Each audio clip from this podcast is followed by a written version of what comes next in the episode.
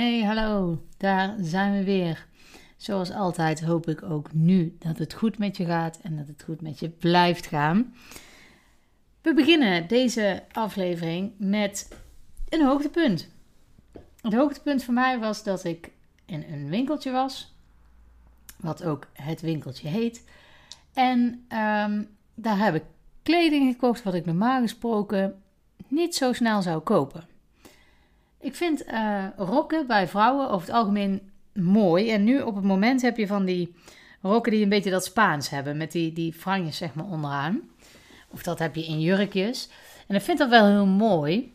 Maar dat staat mij niet zo. Waarom staat mij dat niet zo?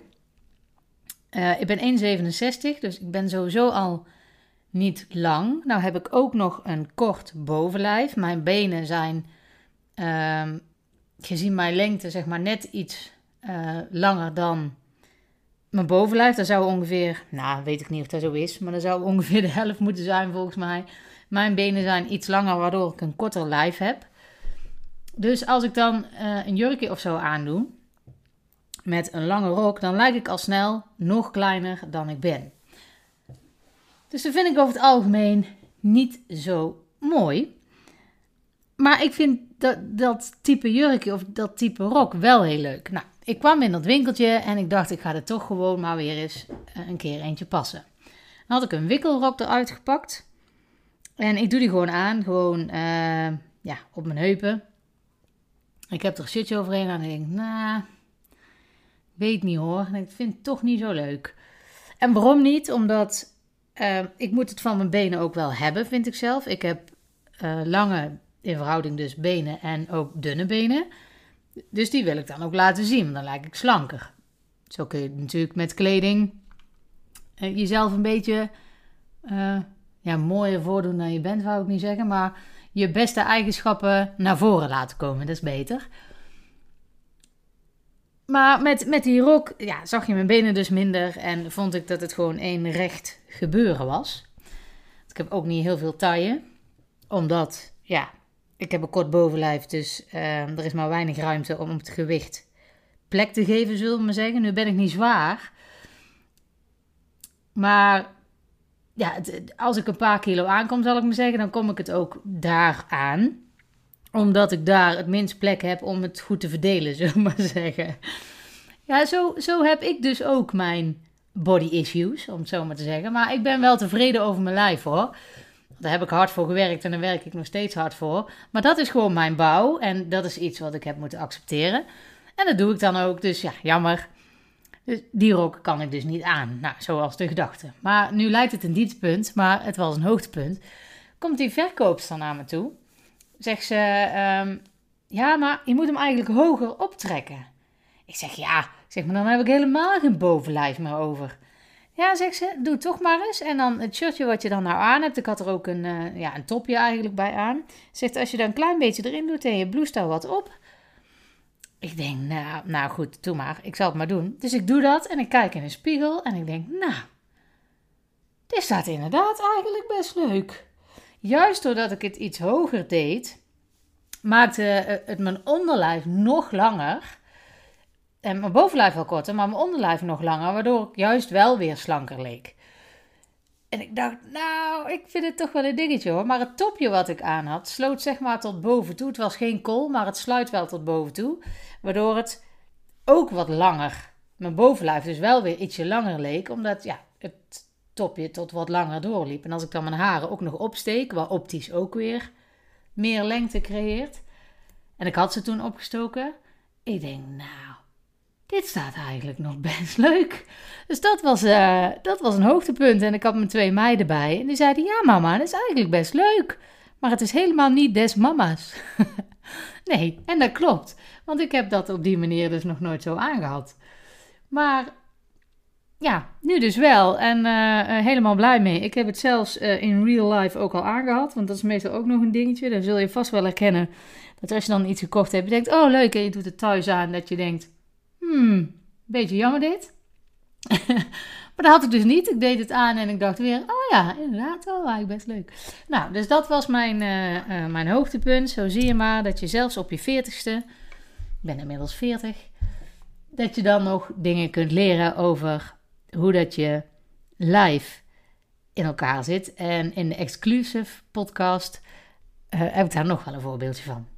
Voor de trouwe volgers en de super trouwe, oh nee, de trouwe luisteraars en de super trouwe luisteraars, die kunnen dat ook nog gaan luisteren. Maar goed, dat was, uh, dat was mijn hoogtepunt. En nu wil ik graag verder met je hebben over als je nog op vakantie gaat. Hoe daar dan mee om te gaan. Want wat ik nu dus vaak van mensen hoor, is ja, na de vakantie begin ik wel. En dan denk ik, ja, ik snap het ergens wel. Want het is natuurlijk lastig om juist in een periode die anders is dan anders, om dan veranderingen uh, aan te gaan brengen. Dus dat begrijp ik wel. Aan de ene kant, aan de ene kant begrijp ik dat dus wel, maar aan de andere kant is het ook, ja, het beste moment is gewoon nu. Dus waarom zou je wachten? Maar goed, aan de andere kant, als jij voor jezelf echt voorgenomen hebt, na de vakantie begin ik daadwerkelijk en je doet het dan ook, dan is dat natuurlijk ook prima. Maar dat wil niet zeggen dat je in de vakantie alle remmen los moet gooien. Of als jij al een aantal maanden goed bezig bent, dat je dan in de vakantie kunt denken: ja, het is nou vakantie, dus laat maar even. Dus ik ga alle remmen gewoon los doen. Dat is heel erg zonde. Dat zou ik zeker nooit aanraden. Waarmee ik niet wil zeggen dat je dan niet kunt genieten tijdens de vakantie. Want ik ben absoluut voor degenen die maar wat langer volgen, die weten dat. Ik ben absoluut voor gewoon blijven genieten van de dingen die je eet. En het is niet zo dat je op vakantie ook niks mag. Maar ik denk wel dat je niet overal ja tegen hoeft te gaan zeggen. Want dan kom je met een paar kilo extra terug. En dat is ook niet wat je wilt. Er zijn een aantal tips die wil ik je wel meegeven. Om daar op vakantie mee om te gaan. Ben je nou al op vakantie geweest? Neem het dan mee voor de eerstvolgende keer dat je een weekendje weggaat. Of deze tips zijn ook wel breder toe te passen hoor. Maar nu richt ik me gewoon heel even op de vakantie. Het is natuurlijk ook heel afhankelijk van wat vakantie. Oh, pardon, er zat even iets in de weg. Nou, dat kan ook gebeuren. We nemen het allemaal live op en ik hou niet van knippen en plakken, dus uh, dit blijft er ook gewoon in. Maar het ligt er dus heel erg aan wat voor vakantie jij viert. Kijk, ga jij op de camping en kook je gewoon je eigen eten elke dag, dan is dat anders dan wanneer je naar een all-in gaat, waarbij je elke keer langs een buffet loopt. Daar zit nogal verschil in.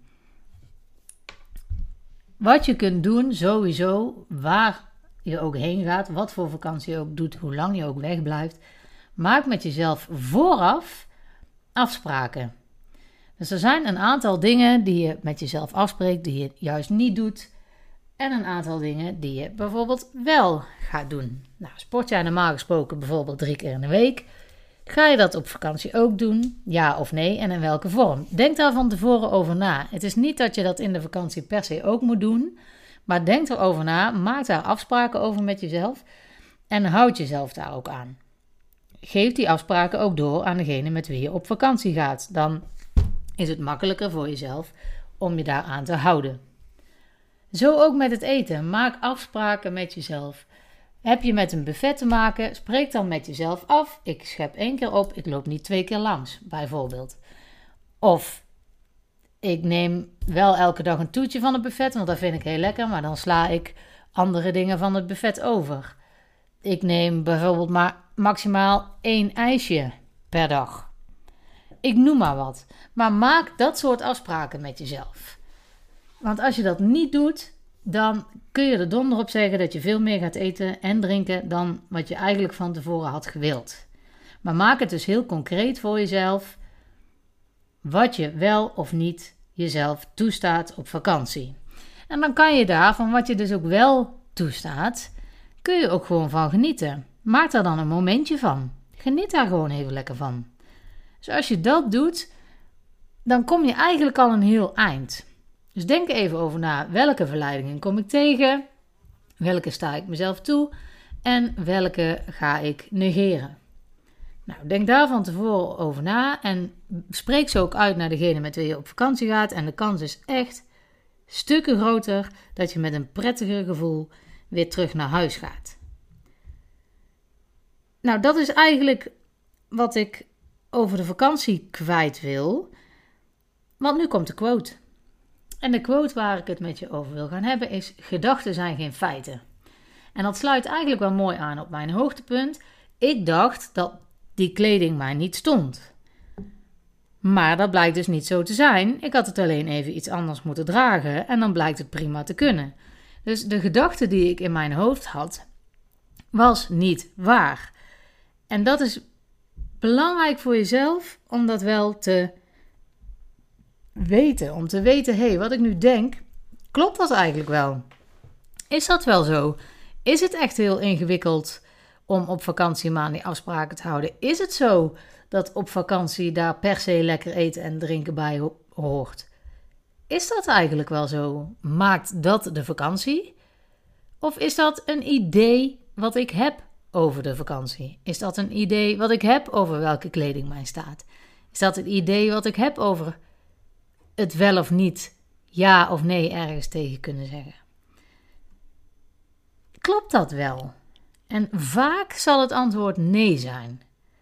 Als je er goed over na gaat denken van tevoren, bijvoorbeeld zoals ik je heb aangegeven om dat te doen bij de vakantie, dan zijn die gedachten daarover waarschijnlijk wel waar, want daar heb je over nagedacht. Dat heb je van tevoren al gedaan. Maar gedachten die in je opkomen, uh, of gedachten die je al heel lang hebt, bijvoorbeeld dus op vakantie, daar hoort lekker eten en drinken bij. Ja, wie zegt dat dat zo is? Dat zeg jij, maar moet dat? Heb je geen vakantie als je minder van het lekkerste... Moet je als je naar Italië gaat bijvoorbeeld elke dag pizza eten? Moet dat? Nee, dat denk ik niet. Dat is iets wat je... Ja, wat een gewoonte is geworden, een gedachte die jij hebt. Maar check maar eens even hoe vaak je van dat soort gedachten hebt door de dag heen. Over eten met name. En of die wel kloppen. Van ik moet nu eten. Of ik kan nu geen nee zeggen tegen dat koekje. Of ja, ik ben nou eenmaal een, een veelvraat. Dus ik wil nou eenmaal veel eten bij het avondeten. Want dan heb ik hard gewerkt. Dus dan hoort dat zo. Is dat allemaal wel echt zo? Heb je het getest of dat zo is?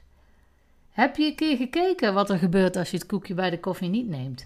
Heb je een keer geprobeerd om minder op te scheppen bij je avondeten om te kijken wat het met je doet? Vaak denken we dat iets zo moet zijn omdat we het al een tijdje zo doen. Maar dat zijn slechts gedachten. Gedachten over hoe het zou moeten zijn. Maar is dat wel zo? Zo heb ik een tijdje, en dat is al een tijdje geleden hoor, maar heb ik intermittent fasting geprobeerd gewoon om te kijken, heb je daar nou echt de voordelen van die ze zeggen dat je daarvan hebt? En ik heb intermittent fasting gedaan door alleen maar te eten van 12 uur s middags tot 8 uur s avonds. Dus van 8 uur s avonds tot de volgende dag 12 uur niet. Dus eigenlijk sla je dan je ontbijt over. En ik dacht eerst, nou dat gaat me nooit lukken. Zeker niet om te bedenken dat ik een ochtendsporter ben. Dus ik sport als ik uit mijn bed kom. En dan zou ik nu dus, normaal gesproken pak ik dan mijn ontbijt dus daarna. Maar dan zou ik nu dus moeten wachten tot 12 uur. Nou, dat gaat natuurlijk nooit lukken. Dan ga ik vast dood van de honger. Dat was een gedachte die ik had. Van dat, dat gaat niet lukken.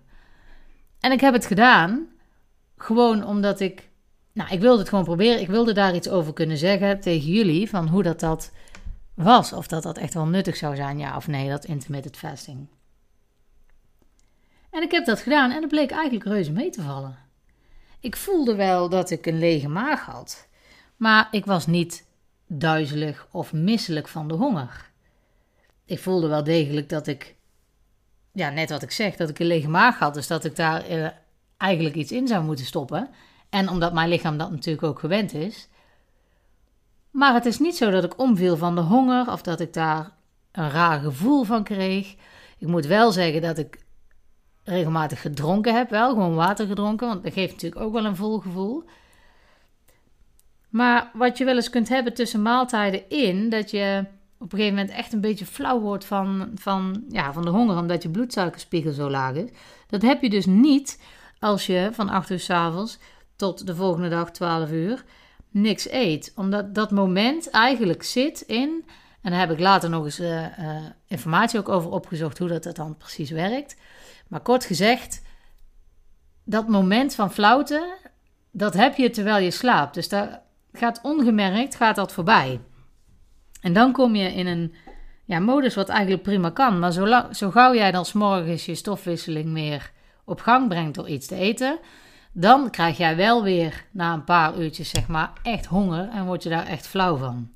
Dus voor mij was dat best wel een eye-opener. En om even terug te gaan dus naar de quote, gedachten zijn geen feiten. Ik dacht dus dat dat niet zou kunnen, dat ik wel degelijk in de ochtend moet eten, omdat ik anders nauwelijks zou kunnen sporten. Bijvoorbeeld al. Eventueel later op de ochtend nog, want dat gebeurde ook wel eens. En dat ik dan heel veel honger zou hebben en de hele ochtend uh, met een knorrende maag rond zou lopen.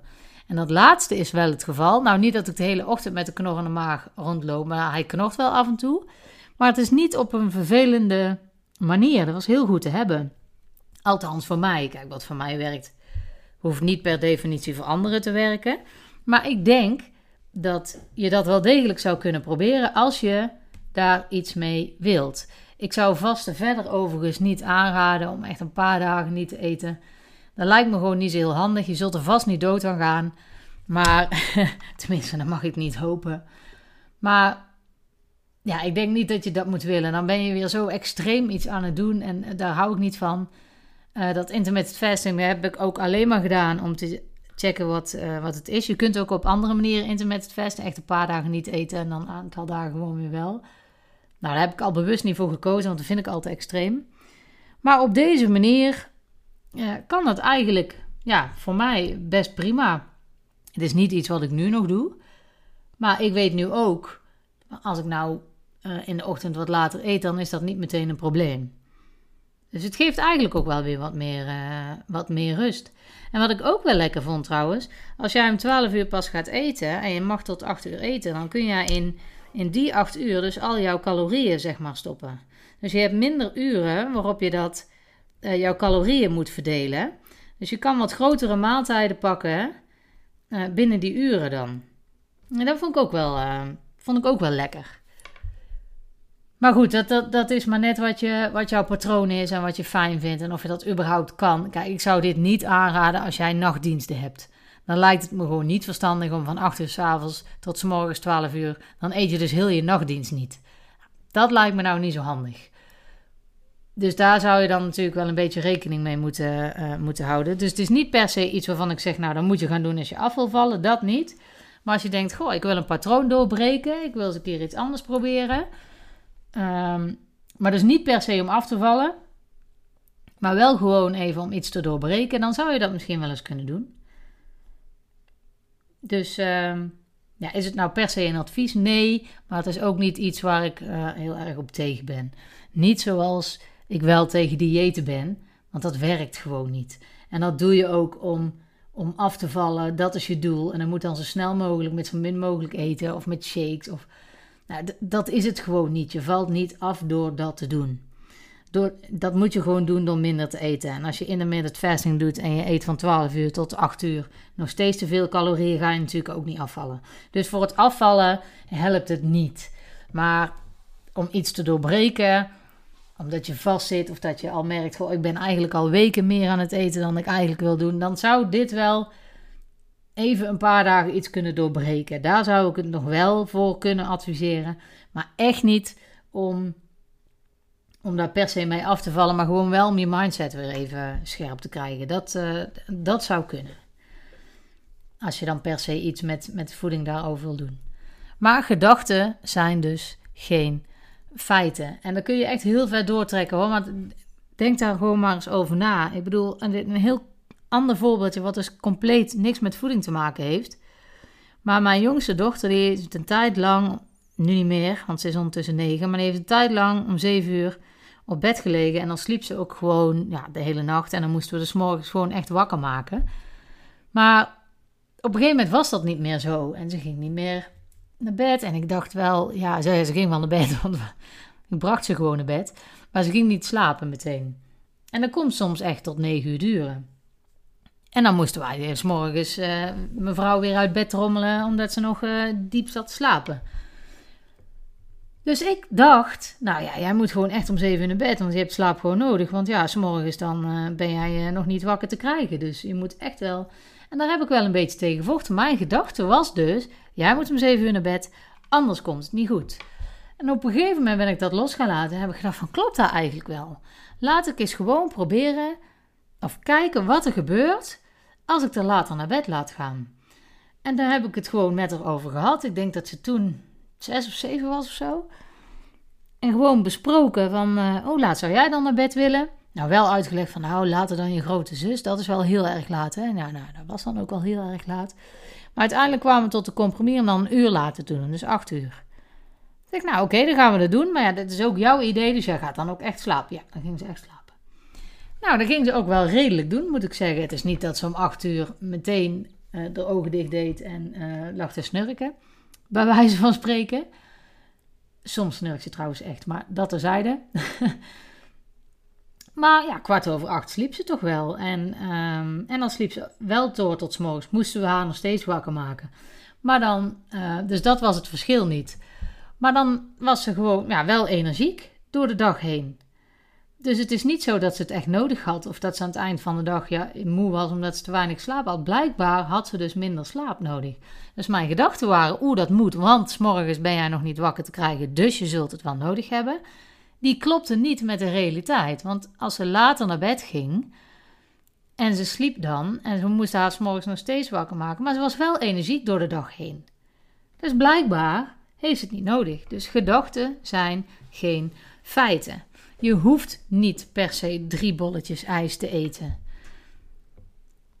Twee bolletjes is misschien ook wel genoeg bij een dessert als je gaat uiteten. Ik noem maar een dwarsstraat. Ik, ja, ik noem ijs omdat ijs uh, mijn guilty pleasure is. Ik vind dat echt wel lekker. En uh, drie bolletjes is gewoon niet nodig. Twee is ook lekker. Dat is prima.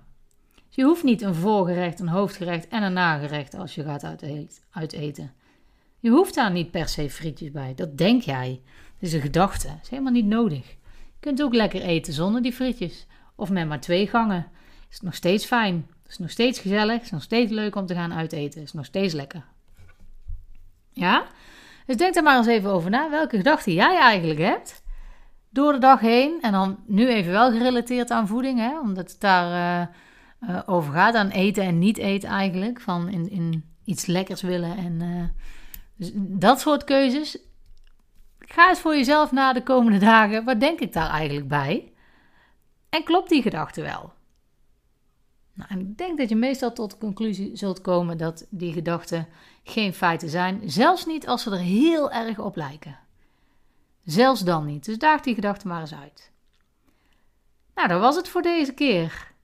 Met een hoogtepunt, een quote en wat uh, tips over vakantie. We hebben in een korte tijd best veel besproken, vind ik. Als je nog op vakantie gaat, een hele fijne vakantie. En um, ja, zo niet. Geniet gewoon lekker van het thuis zijn. Er is ook helemaal niks mis mee. Doei doei, tot de volgende keer.